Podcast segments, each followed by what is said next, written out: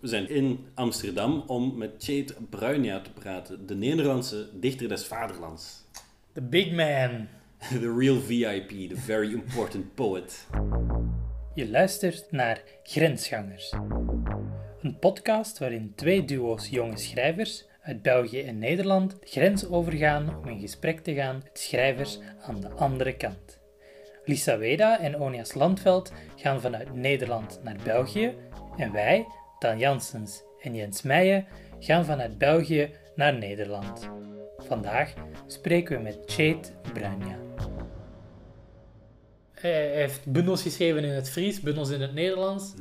Hoe dat hij zich verhoudt ten opzichte van taal, wat dat daar misschien een invloed van is of zo. Ik- En tot ik- Nederland misschien, als, als Fries. Ja, als Fries tot Nederland. Als Belg kennen we wel wat van, van taalverschillen en, en taalkwesties, maar Nogal. ik weet, ik weet niet of dat op, op eenzelfde manier een invloed heeft of zo, of dat dat toch iets totaal anders is. Ja, en niet alleen als Fries, maar ook als, inderdaad, als schrijver is het ook gewoon een heel interessant schrijver. Want de, Mhm. de dingen die ik, ervan gele- die ik van hem gelezen heb, zijn ook zijn, zijn fantastische gedichten. En die heb ik dan ook gebruikt om een, opnieuw een hommage te schrijven. Een hommage aan de dichter des vaderlands. Ja, hoe ging dat? ging eigenlijk heel makkelijk, omdat het, ja, wel, het, het is iets meer eh, gericht op de actualiteit Mhm. dan wat ik zelf zou doen. Maar het is eigenlijk wel heel erg leuk om die actualiteit er zo in te betrekken. Dan voelt het allemaal een beetje dringender aan of zo, of een beetje meer nodig. Het was heel leuk om te schrijven en ik hoop dat hij het leuk vindt om er naar te luisteren.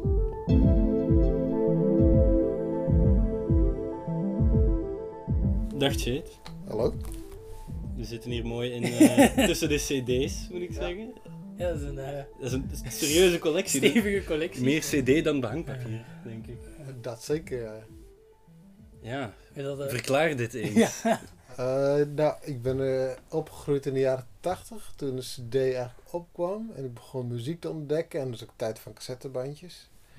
En dan ging je cd's kon je niet betalen. Dat was 40 gulden toen. Eh, nu, eh, omgerekend is dat 20 euro of zo. Maar dat was toen echt veel geld. Als je pech had, nog meer. En dan, dan huurde je cd's. En die, eh dus allemaal natuurlijk klinkt als opa vertelt. Dat is de tijd voor Spotify. en, en dan huurde je cd's en die, eh, die, die, die zette je er thuis. Hadden we een cd-speler alleen beneden. En dan had ik een hele lange draad naar mijn cassettedek boven. Dan moest ik naar beneden lopen, cd aan. Eerst naar boven, cassette Ah, aanzetten. ja, ja. Beneden cd-speler, de pluggen omwisselen en eh cd aanzetten. En dan had ik de cd op een bandje. En die kun je er weer inleveren, ja.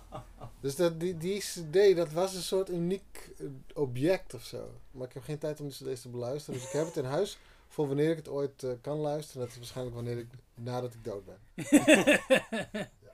Ja, iemand vertelde ooit over volgens mij een boek of zo. Dat wanneer je boeken verzamelt of koopt, dat je dan denkt, die ga ik nog een keer lezen. Daarom Ja. koop je een soort illusie van tijd. Dus je Ja, maakt ja. je leven langer. Welke muziek zou je eigenlijk associëren met die bundel? Ja, ja. Oh ja. Die reeks, eh of die lange gedichte Vis in de Zee, is geschreven bij eh, Love Supreme van eh, Coltrane.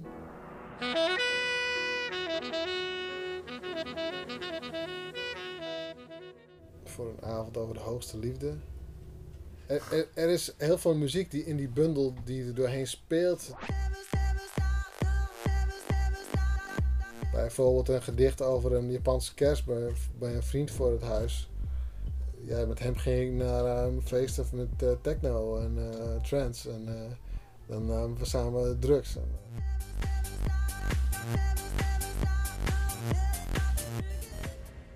Het zou interessant zijn om mensen dat te vragen als je zo'n DJ voor boeken had. Dat je iemand een bundel kunt geven en zegt... Nou, die eh, klassieke componist, eh, dat moet je daarbij... Ik ken iemand die dat doet. Die maakt playlists voor boeken. Ja, Oh, ja? ja, Ja. Maar als je muziek zou luisteren bij het, bij het lezen van dit boek, dan zou ik instrumentale muziek kiezen. Want dan wil je niet. Ja, je wil niet dat die. Je wil, ja. En dan zijn die afdelingen zo verschillend dat ik per afdeling denk ik eh, een ander soort. eh, een ander stuk zou kiezen. Dat kan eh, natuurlijk eh, techno zijn, het kan ook jazz zijn of, of klassiek of, eh, of die free jazz op de neusfluit en accordeon. die valt aan het einde denk ik wel. Of, of die Japanse noise, dat zou natuurlijk net zo goed kunnen. Echt, dat, dat, dat kan, ja. ja.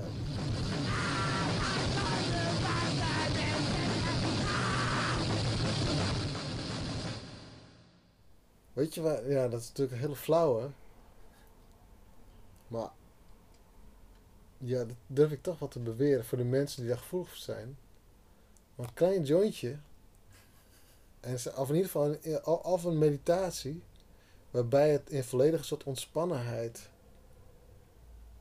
eh, die poëzie leest en open staat en niet zo op uit, er helemaal op uit bent om alles precies te begrijpen en zo, maar en rustig die dingen die worden eh, neergezet voor je probeert te zien en misschien hardop voorlezen, dan dat is denk ik de meer de sleutel. Ja.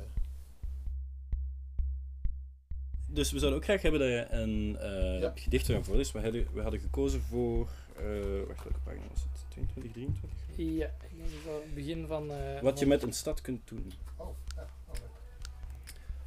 Wat je met een stad kunt doen. Er bestaat een Afrikaans volk dat gelooft dat iedere mens geboren wordt als goed mens.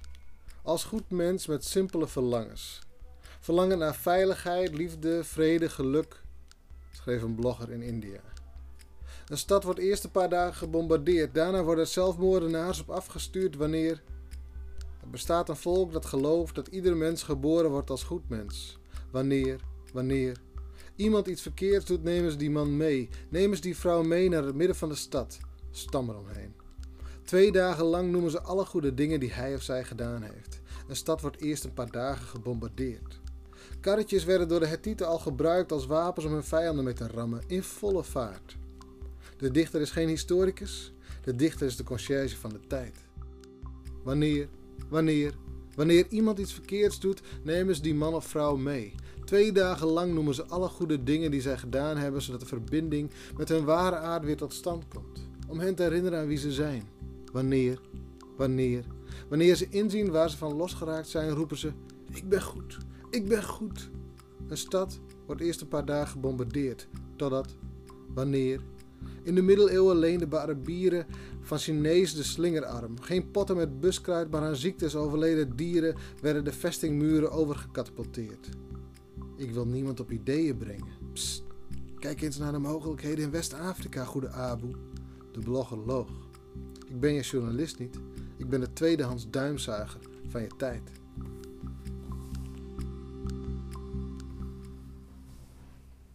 Dankjewel. Graag gedaan. Grappig om het weer voor te lezen. Als je dan, ik heb dit gedicht in de post niet voorgelezen. Dan moet je weer even... Soms eh, ben je vergeten waar de boog zit. Maar dat is ook interessant om te zien. Oh ja, daar, komt die, daar zit die twist. Ik vind het opvallend ook dat je hier meteen begint met een Afrikaans volk. Terwijl, dus, het is ook het eerste gedicht uit Buitenwijk. Eh, Dus de bundel heet Ja. Binnenwereld Buitenwijk.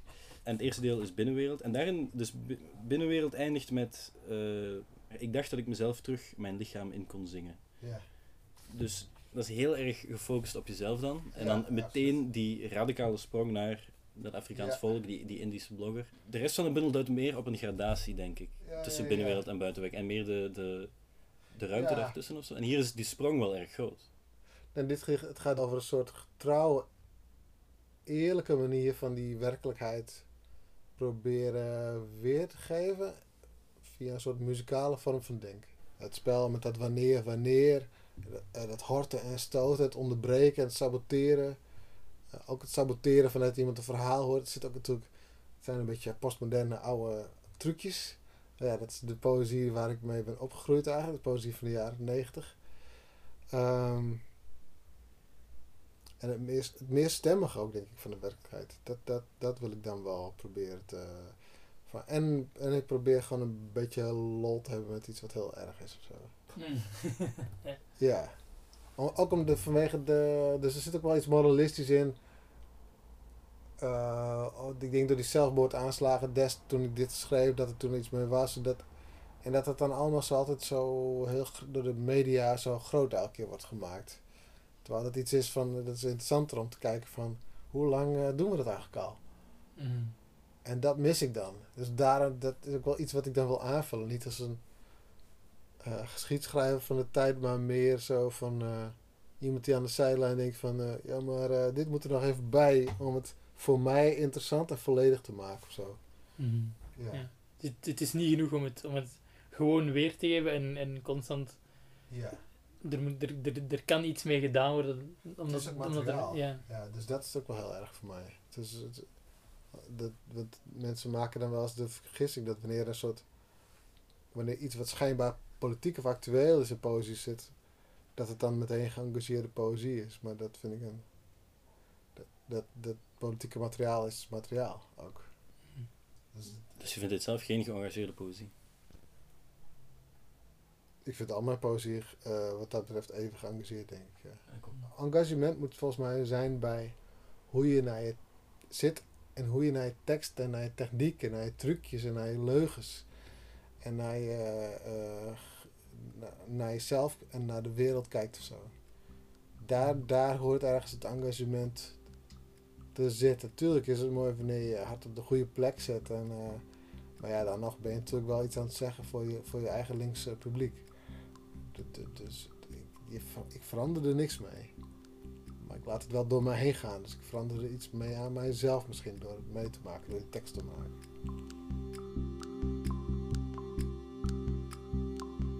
Maar dat is ook wel een verschil wat niet alleen met die eh vrije werk of een opdracht schrijven te maken heeft, maar het heeft ook te maken met gewoon ouder worden en dat je eh, er anders over na gaat denken.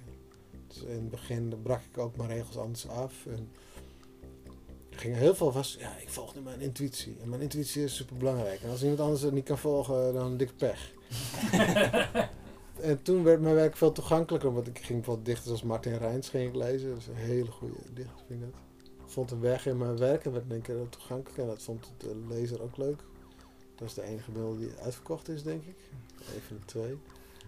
Er staat er wel een lief gedicht in. En, eh, en daarna verlangde ik toch ook weer naar eh, dat meer assertieve, meer vanuit de taal schrijven. Of een, dus, en nu is het een mix. Ik schreef voor eh, na die, laten we zeggen, aanslag, misschien aanslag in Utrecht.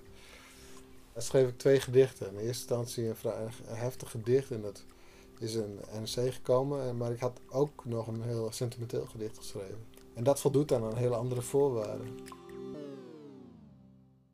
Je wil ook toch dat iemand. Als je een- alleen in de postmoderne, relativerende, er is geen waarheid gaat zitten. Wat natuurlijk een soort paradox is, omdat dat meteen weer een soort waarheid is over dat er geen waarheid is. Dus bla bla. Daar schiet je niks meer af. Ju- Juist in, het meest, in je laten meeslepen, eh, maak je iets mee. Je moet er wel kritisch naar zijn, maar de- als je het niet kunt laten meeslepen, dan wordt het allemaal zo slim. Dus, dus, eh, slim proberen te doen in poëzie vind ik eh, vervelend.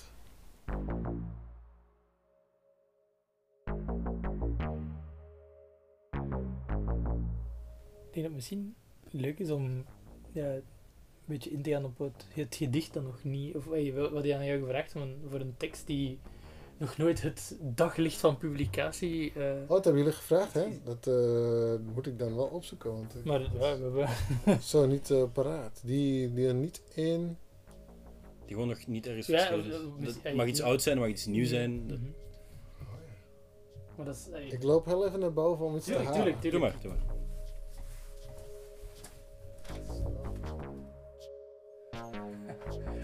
Een, een map met flarden en... Wauw. Het werk dat ik doe. Ah, Eh, dus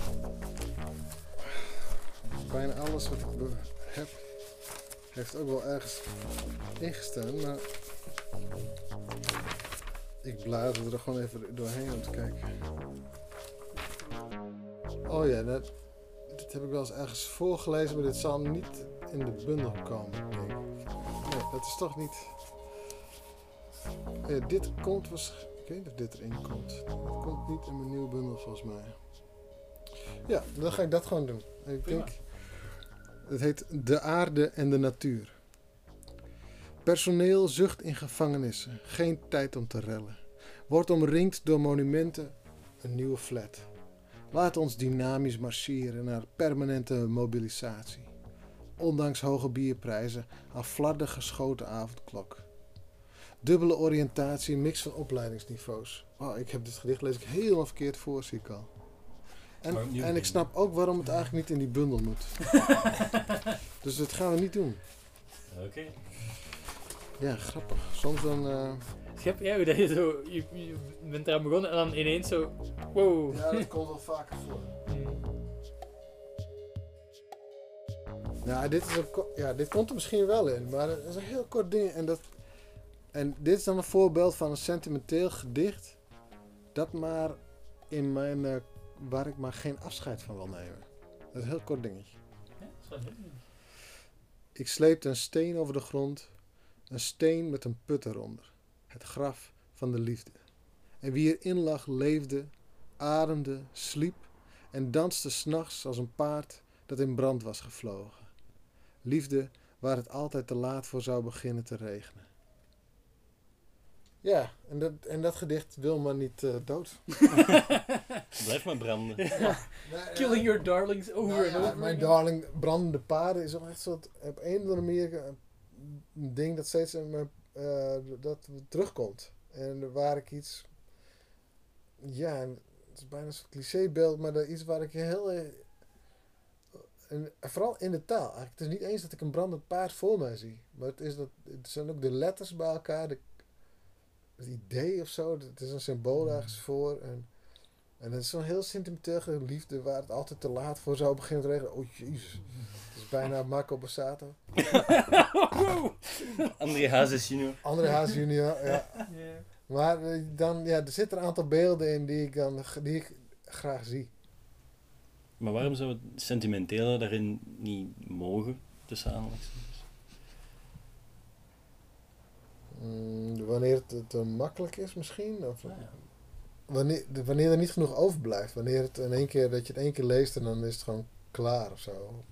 Maar ja, terwijl ik het zeg, vind ik sommige...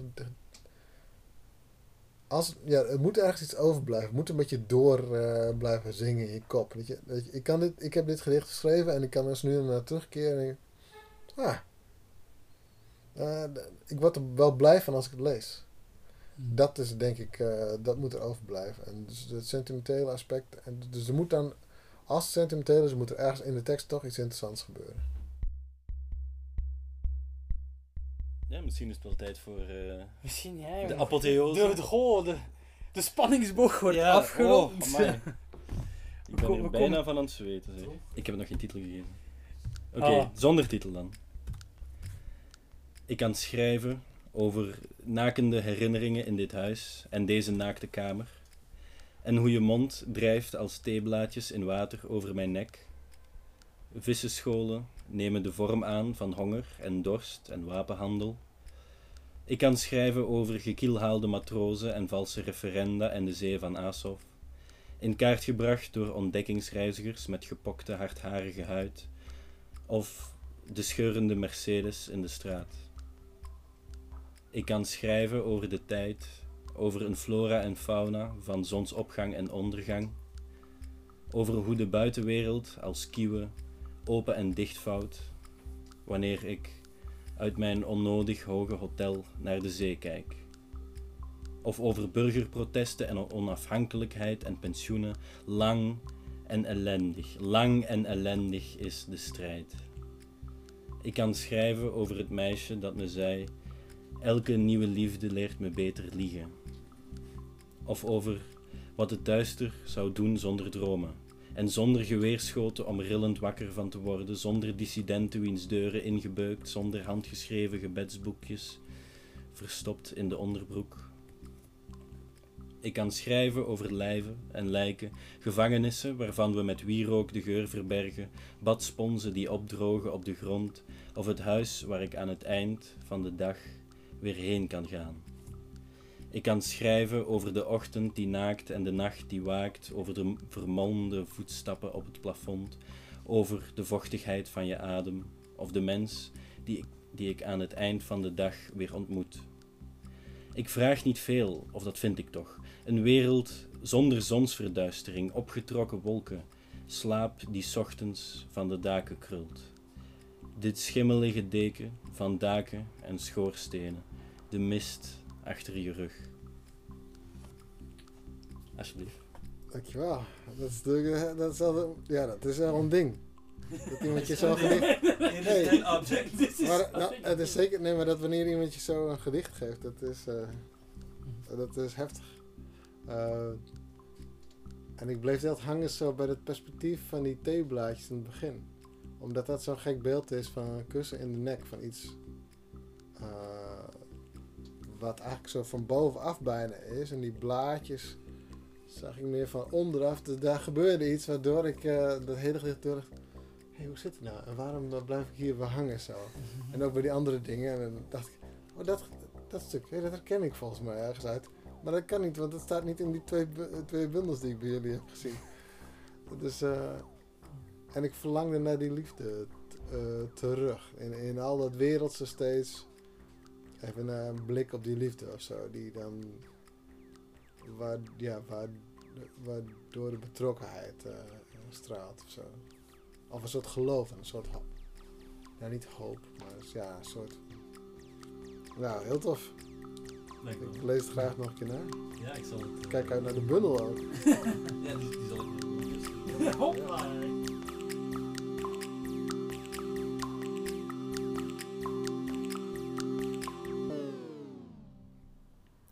Dat was het. Het gesprek met Shade. Het is interessant om te zien hoe die muziek ook echt een invloed heeft op, op wat dat hij schrijft, hoe hij schrijft. Iets wat we alle twee ook wel kennen, denk ik. Ja. Nee, ik, ik schrijf bijna nooit zonder een koptelefoon op te hebben staan met muziek. En ik vond het heel grappig om te zien toen jij ehm, de tekst voor hem aan het voorlezen was. Ik zag hem ook echt zo zoeken naar het ritme, zo op zoek gaan naar, naar hoe dat de tekst, tekst vloeide. En dat is wel interessant om, om te zien aan hem.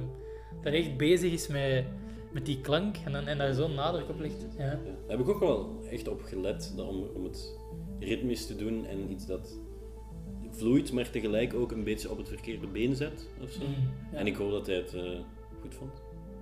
Ik denk het wel. Hij was er toch ook wel erg gecharmeerd door.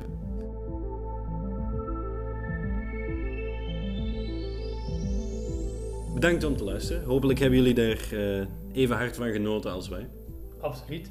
En eh, vergeet ook zeker niet te luisteren naar onze Nederlandse collega's. Ja, zij maken de, de Kruiselingse beweging. Ja, Ornias Landveld en Lisa Weda zijn vanuit Nederland naar Vlaanderen gekomen en hebben Vlaamse dichters geïnterviewd, net zoals wij hebben gedaan. Ook super interessante gesprekken. Dus geef hen zeker ook een luister. Ja, leg je oor te luisteren. Absoluut. En hopelijk tot de volgende keer. Tot de volgende keer.